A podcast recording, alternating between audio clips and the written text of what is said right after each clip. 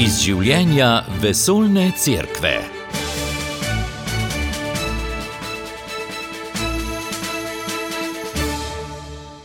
Katoliška crkva bogatejša za 20 novih kardinalov. V katero smer bo šla prenova rimske kurje? Končana sinoda na škofijski ravni. V Vatikanu zbirajo sklepe in predloge krajevnih crkva papež obiskal Akvilo in odprl sveta vrata. V Kazahstanu se pripravljajo na obisk svetega očeta. Hčere Marije Pomočnice praznujejo 150-letnico. Dobr dan, z vami smo Meta Potočnik, Tone Gorjub in Marjana Debevec.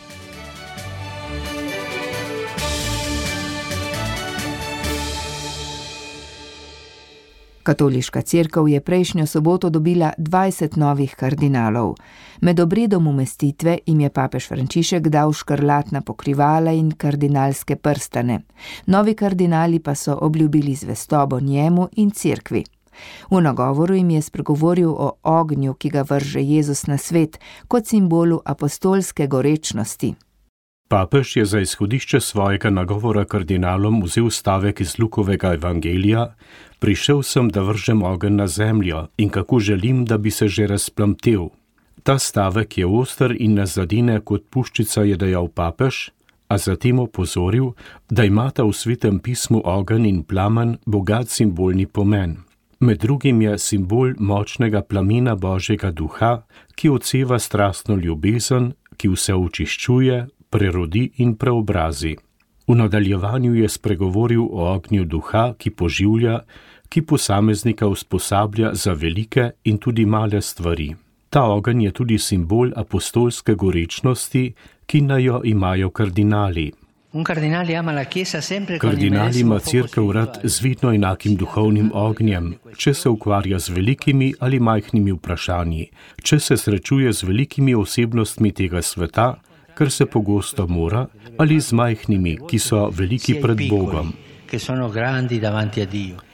Za zgled jim je dal dolgoletnega državnega tajnika svetega sedeža, kardinala Kasarolija, ki je svojim odprtim pogledom, z modrim in potrpežljivim dialogom spremljal nova obzorja Evrope po hladni vojni. Čeprav je bil domač v visoki diplomaciji, je z enako zauzetostjo tedensko obiskoval mlade prestopnike v rimskem zaporu za mladoletne. Papež je spomnil še na vietnamskega kardinala Antoana, ki je 13 let preživel v samici. Po besedah papeža je bil poklican, da bi pasel božje ljudstvo v izredno težkih okoliščinah 20. stoletja. Hkrati pa ga je ogen Kristusove ljubezni spodbujal, da je skrbel za dušo ječarja, ki je varoval vrata njegove celice. Zatem se je papež znova vrnil k Jezusu in njegovi želji, da prinese ogen na svet. Gre za skrivnostni božji ogen, ki ga želi na novo prižgati na bregovih našega vsakdanjega življenja. Jezus nas kliče po imenu, nas pogleda v oči in vpraša: Ali lahko računam na vas? Papež Frančišek je zatem tudi sam vprašal kardinale. In spomnil, da je to gospodovo vprašanje. Na zadnje jih je povabil k molitvi za kardinala Vaja, ki je prišel na konzistorij v Rim, a je moral zaradi težav s srcem v bolnišnico.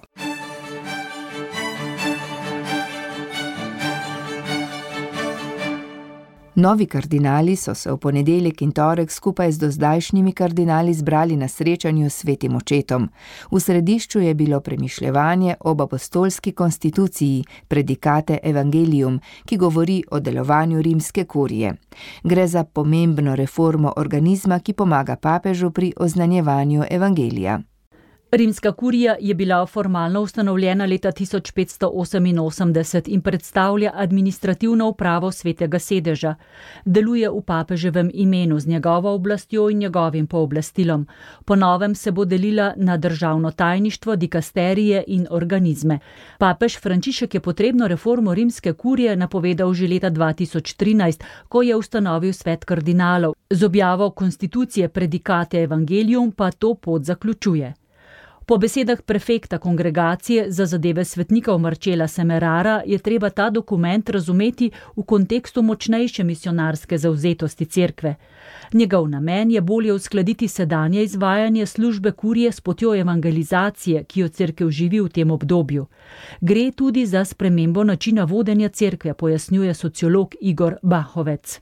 Ne toliko v tem smislu, da bi od zgoraj na vzdolj, ker je bilo tradicija več stoletij, ne, nekako upravljali crkvo. Glejte, škof je in s tem papež nič ne izgubi svoje voditeljske vloge, samo način vodenja postane drugačen. Postane veliko blizu, bliže temu, da je nekdo, ki je v središču skupnosti in ne nekdo, ki je ločen včasih od življenja ljudi. Pri tem papež Frančišek povdarja, da samo dokument ni dovolj za potrebne spremembe, saj bo reforma učinkovita le z duhovno, človeško in strokovno prenovljenimi ljudmi in ne zgolj z novimi.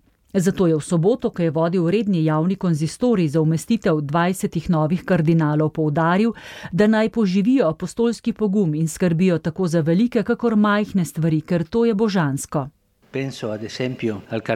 Mislim naprimer na kardinala Casarolija, ki je bil znan po tem, da je svojim odprtim pogledom, z modrim in potrpežljivim dialogom spremljal nova obzorja Evrope po hladni vojni. Prav tako pa so dragoceni njegovi redni obiski mladih jetnikov v enem izmed rimskih zaporov za mladoletne, kjer so ga klicali Don Agustino.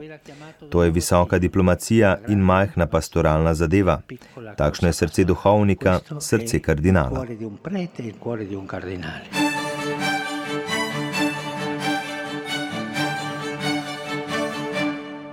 Dvodnevno srečanje kardinalov se je končalo svetomašo v baziliki svetega Petra. Razprave o prenovi rimske kurije in napoved jubileja upanja 2025 za zdaj ostajajo zastrte. Papežov nagovor kardinalom pri Maši pa je bil neposreden in izzivalen. Kardinale je spomnil na njihovo osnovno poslanstvo. O božji besedi je upozoril na dvojno začudenje. Pavlovo začudenje pred božjim načrtom odrešenja, ki ga je tako prevzel, da je bil ves Kristusov v njem, da se je prepustil njegovemu duhu. Drugo pa je začudenje učencev ob srečanju z ostalim Jezusom, ki jih pošilja v svet: Pojdite v Galilejo. Po papeživih besedah tisto Galilejo, v kateri smo slišali gospodov klic, v kateri smo čutili pogled gospoda, ki nas je poklical. Šele, če smo sposobni čudenja, pa tudi iskrenega vsakodnevnega iskanja božjih načrtov, lahko prispevamo k prenovi cerkve, v službi katere bi morali biti. In kdo je služabnik cerkve? Papež odgovarja: Nekdo, ki se zna čuditi pred božjim načrtom in ki v tem duhu goreče ljubi cerkev, ter je pripravljen služiti njenemu poslanstvu, kjer in kakor hoče sveti duh. Takšen je bil apostol Pavel. Iz njegovih pisem vidimo, da njegovo apostolsko navdušenje in skrb za skupnosti vedno spremlja hvaležnost Bogu in občudovanje. Bil je poln začudenja. In to je po mnenju papeža morda merilo, termometer našega duhovnega življenja. Zatem je zbrane znova vprašal: Ripeto la domanda, caro fratello, cara sorella. Dragi brat, draga sestra, ki smo skupaj tukaj, kako je s tvojo sposobnostjo začudenja? Ali pa si se tako navadil ali navadila, da si jo izgubil? Si še sposoben čuditi se? Papež ob koncu zbrane izroči Mariji, materi cerkve, ki je vse stvari gledala in z občudovanjem nosila v svojem srcu.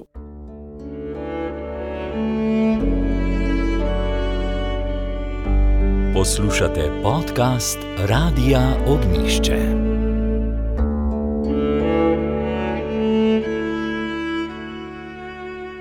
Papež Frančišek je prejšnjo nedeljo obiskal Aquilo, italijansko mesto, ki ga je leta 2009 prizadel hud potres in zahteval več kot 300 življenj ter porušil velik del mesta.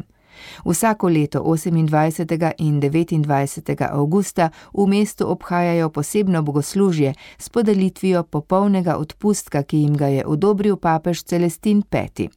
Zato je imel papežev obisk dvojni namen: želel se je srečati s prizadetimi v potresu in odpreti sveta vrata svetišča, ki je cilj številnih romarjev. Z bližnjega stadiona, kjer je pristal helikopter, se je papež najprej odpravil v stolno crkv, ki je po potresu še vedno zaprta za obiskovalce. Zatem se je pred njo srečal z meščani ter predstavniki crkvene in lokalnih oblasti. Kot je dejal, želi vsem zbranim, še posebej svojcem žrtev potresa, njihovim družinam in celotni skupnosti, ki se je z velikim dostojanstvom soočila s posledicami tragičnega dogodka, izraziti bližino.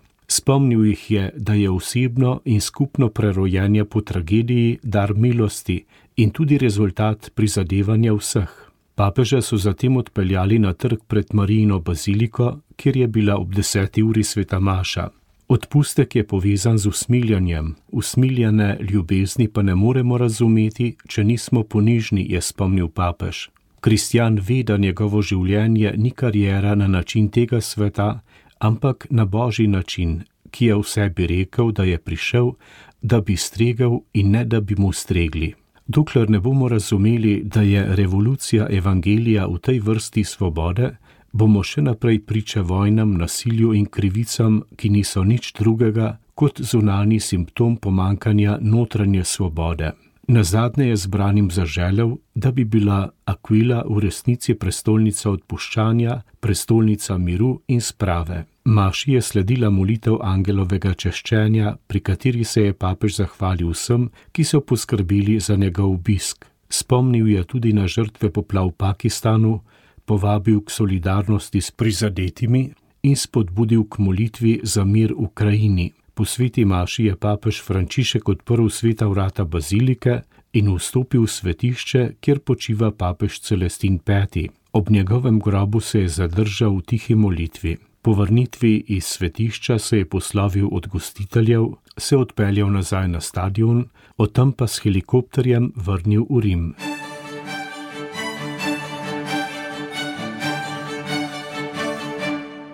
Končala se je prva narodna faza sinode, v Vatikanu pa že pregledujejo poslane povzetke z vsega sveta. Odgovorni za sinodo so na tiskovni konferenci izrazili zadovoljstvo z dosedanjo udeležbo oziroma poslanimi prispevki. Kaj je mogoče razbrati iz dokumentov, ki so prispeli v Rim, Odgovorni za sinodo menijo, da smo priče crkvenemu dialogu brez primere v zgodovini cerkve, tako z vidika števila odgovorov in kakovosti udeležbe. Ob tem generalni sekretar sinode kardinal Mario Greš izpostavlja potrebo po živi cerkvi, ki potrebuje pristnost in ozdravljenje. Potrdil je krožnost sinodalnega procesa in posvaril pred ustvarjanjem nasprotja med božjim ljudstvom in hierarhično cerkvijo. Po besedah podsekretarke sinode sestre Natali Bequart, prispevki izražajo nekatere strahove, tudi odpor, a to je del vseh procesov duhovnega razločevanja. Poudarila je, da je za narodne dokumente, ki so prispeli v Rim, značilen zelo iskren slog, opisujejo, kaj dobro deluje, pa tudi ovire in resnične težave. Odgovorni so tudi naslovili očitke nekaterih, da želi sinoda spremeniti crkveni nauk.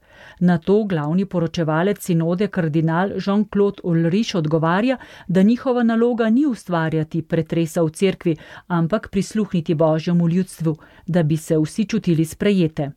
Namesto nauka je torej treba spremeniti pastoralno naravnanost.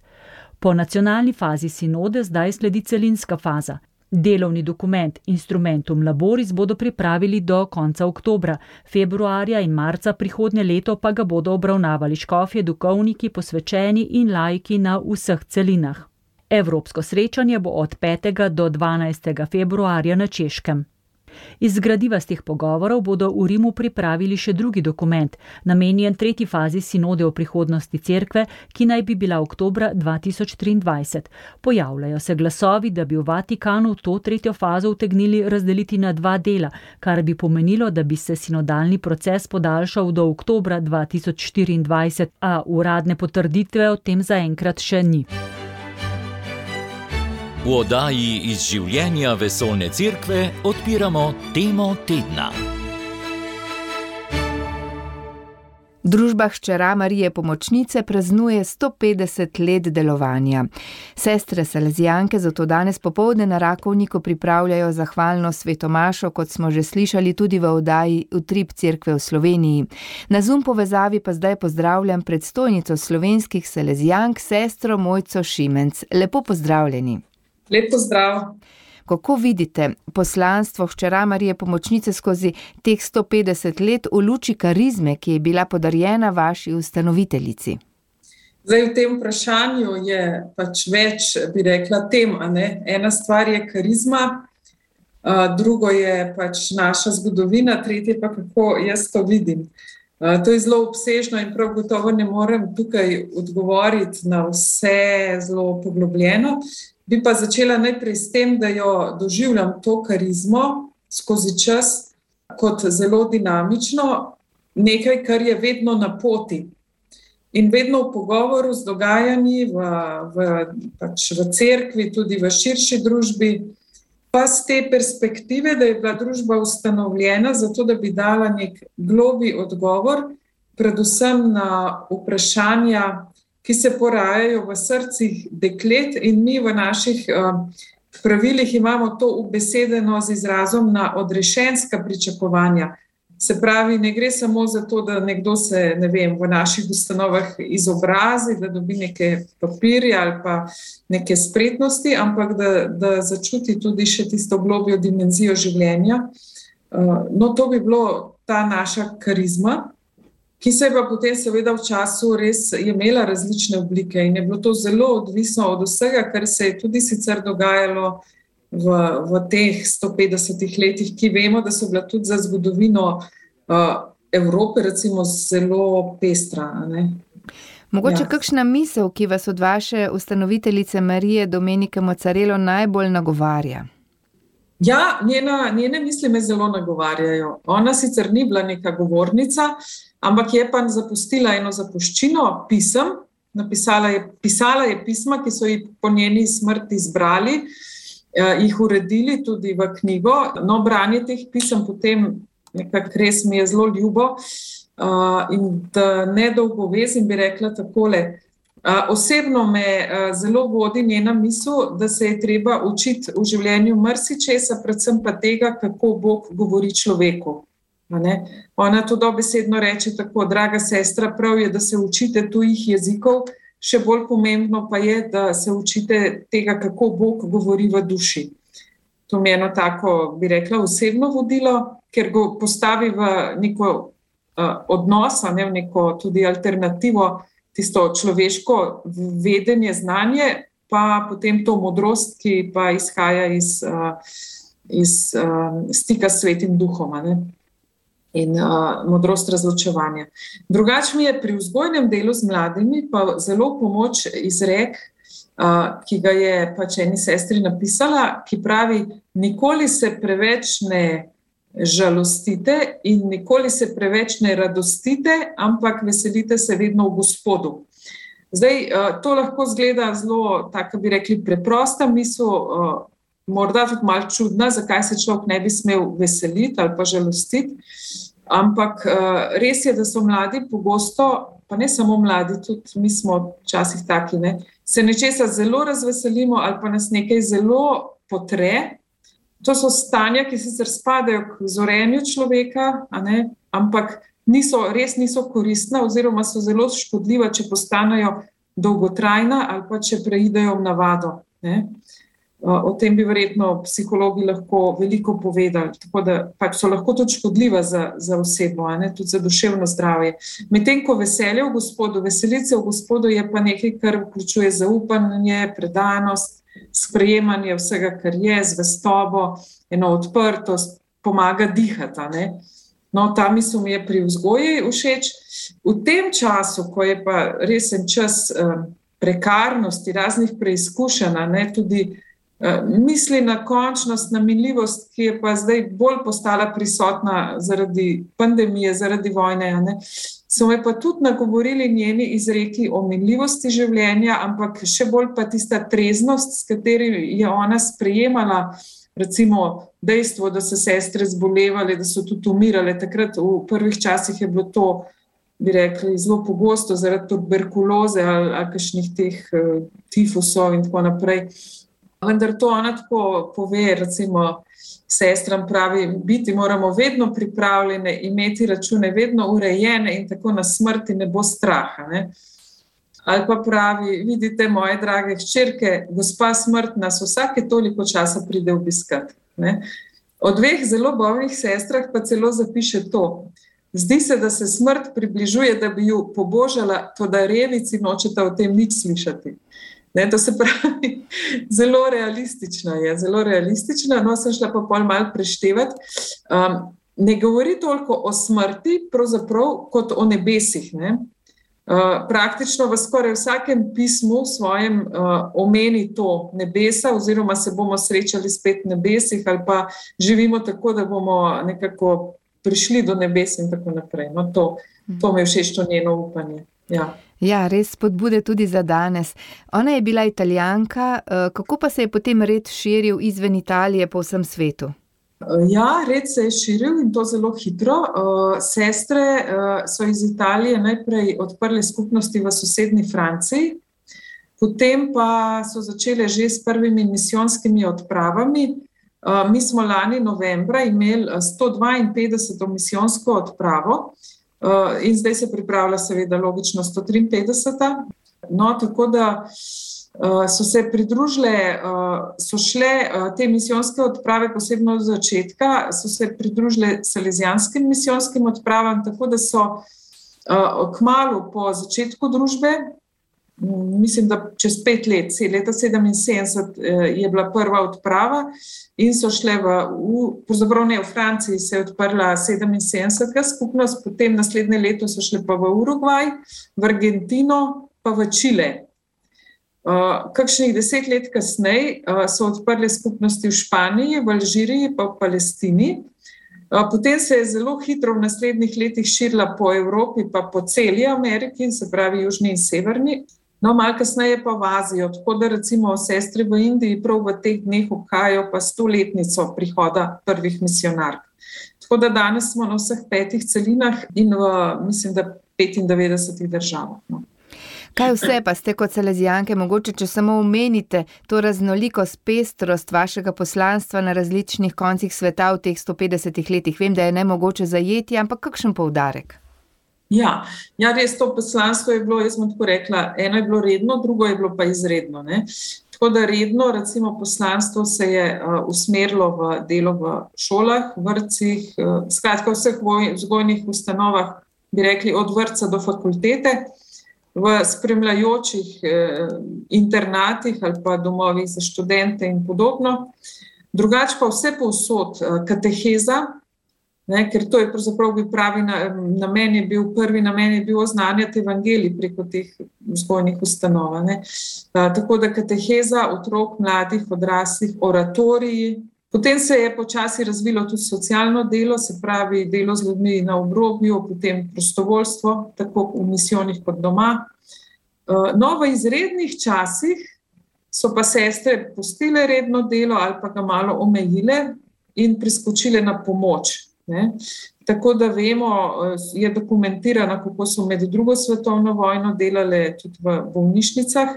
No, tukaj bi omenila, da tudi v misijonih ne, je naše delo tudi recimo, lahko na zdravstvenem področju, ampak s to poanto vzgoje ali pa preventive tudi, posebno kar se tiče vzgoje mamic, pomoč ma materam pri pač, zdravstveni skrbi za otroke ali pa za družino. No, potem, um, če se vrnem spet nazaj na ta izredne čase vojne in to, um, so delale tudi ja, v bolnišnicah in uh, morda tudi so kuhale za vojake ali podobno. So bile razno razne pač, situacije. No, tako kot tudi danes, marsikje pomagajo na teh vojnih eh, žariščih, oziroma beguncem, bolj kot na samih žariščih, pomagajo vojnim beguncem. Eh, tako da ne na zadnje, tudi ob vsem, kar se je v zadnjih mesecih dogajalo, so zelo veliko eh, delali pri sprejemu, recimo, ukrajinskih beguncev, predvsem na polskem, pa na slovaškem. Ne.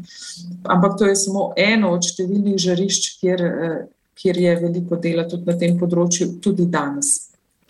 Ja. Kako pa vidite, poleg tega, seveda, vaše osrednje poslanstvo danes, kako se ve približate današnjim mladim? Tako, najbolj se je pač približati mladim v živo preko programov, ki jih imamo v naših ustanovah. Imamo študentske domove, domove duhovnosti, Tudi vrtec je tak kraj, kjer sprejemamo mlade kot prostovoljce ali pa kot pripravnike. In damo, res se osredotočamo na to, da izbiramo res takšne, torej, ki so nekako naša ciljna skupina. Tudi, kadar zaposlujemo v našem zavodu Dominika neko osebo, uh, damo prednost nekomu mlademu, po možnosti prvi zaposlitvi, prav zato, da jim omogočimo, da si nabirajo izkušnje ne, in da si gradijo nek kurikulum. Ne. No, to tako. Potem uh, jih srečujemo v raznih skupinah, tukaj prednostno bi izpostavila skupine deklet ali pa mladih žena, tudi tega je kar nekaj. Potem, seveda, v župnijski katehezi, pa pevskih skupinah, in potem je veliko sreča z mladimi v Salezijanski mladinski pastorali, kjer sodelujemo pa tudi Salezijanci. Ne? V pripravi oratorijev, v raznih teh odborih in komisijah, in tako naprej. No, pa tudi v delu s prostovoljci imamo možnost prostovoljstva pri nas doma, ali pa uh, eventualno upamo, da se bo spet vzpostavilo zdaj tudi misijonsko prostovoljstvo. Seveda se pa tudi e, srečujemo z njimi na digitalnih ne, področjih, vendar pa bi rekla, da je to bolj, kako bi rekla, pomožno pomožno sredstvo. Ne. Vedno je uh, živ stik tisti, kjer uh, lahko največ damo in kjer je največ izmenjave. Sestra Mojca Šimenc, hvala vam, da ste nam malo približali življenje, vaše karizme, poslanstvo v današnjem času. Želim vam seveda lepo praznovanje danes popovdne in blagoslova še za naprej. Ja, hvala lepa, hvala za povabilo na ta pogovor. Pozdravljam vse poslušalce in bomo res veseli, če se. Uh, srečamo z vami tudi danes popoldne na Rakovniku ob pol petih pri Sveti Maši. Poslušate podcast Radia Ognišče. Obiščite našo spletno stran in poiščite še druge zanimive vsebine. Utrinki iz življenja vesoljne cerkve.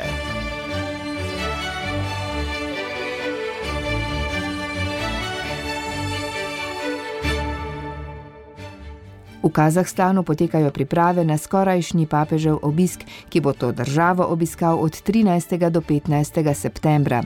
Logotip in geslo obiska je golob z olčno vejico. Simbolizira mir, ki bo skupaj z edinostjo osrednja tema. V središču papeževega obiska bo udeležba na sedmem kongresu voditeljev svetovnih in tradicionalnih verstev v mestu Nur Sultan. Odpira se tudi varnostno vprašanje te države, saj se po poročanju Asia News Kazahstan boji, da bo naslednja tarča Putinovih imperialnih ciljev. Zato so okrepili vojaške odnose z ZDA, Kitajsko in Turčijo in več kot 2 milijardi evrov namenili vojaškemu področju.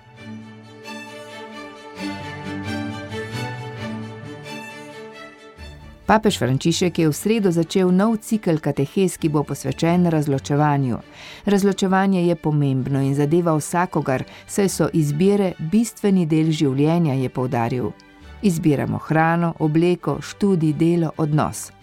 V evangeliju Jezus govori o razločevanju s podobami iz vsakdanjega življenja. Opiše naprimer ribiče, ki izberejo dobre ribe in zavržejo slabe ali trgovca, ki zna med mnogimi lepimi biseri prepoznati tistega, ki je najbolj dragocen, ali tistega, ki med oranjem na polju naleti na nekaj, za kar se izkaže, da je zaklad. Po papeževih besedah je razločevanje naporno, vendar nujno. Zahteva, da poznam samega sebe, da vem, kaj je dobro za me tukaj in zdaj, predvsem pa zahteva sinovski odnos z Bogom, je še dejal sveti oče.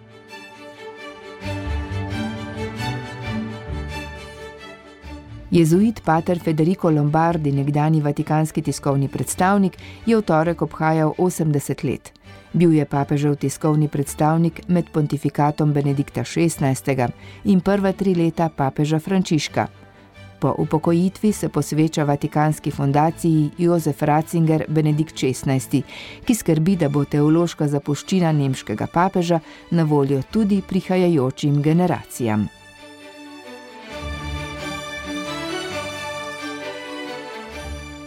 Sklenili smo oddajo, ki sem jo pripravila Marijana Debevec. S prispevki sta sodelovala Meta Potočnik in Tone Gorjub. Želim vam blagoslovljeno nedeljo. Poslušali ste oddajo iz življenja vesoljne cerkve. Ponovno ji lahko prisluhnete v našem audio arhivu. radio.ognisce.si Hvala za poslušanje. Podprite brezplačen dostop do naših vsebin in postanite prijatelj Radia Ognišče.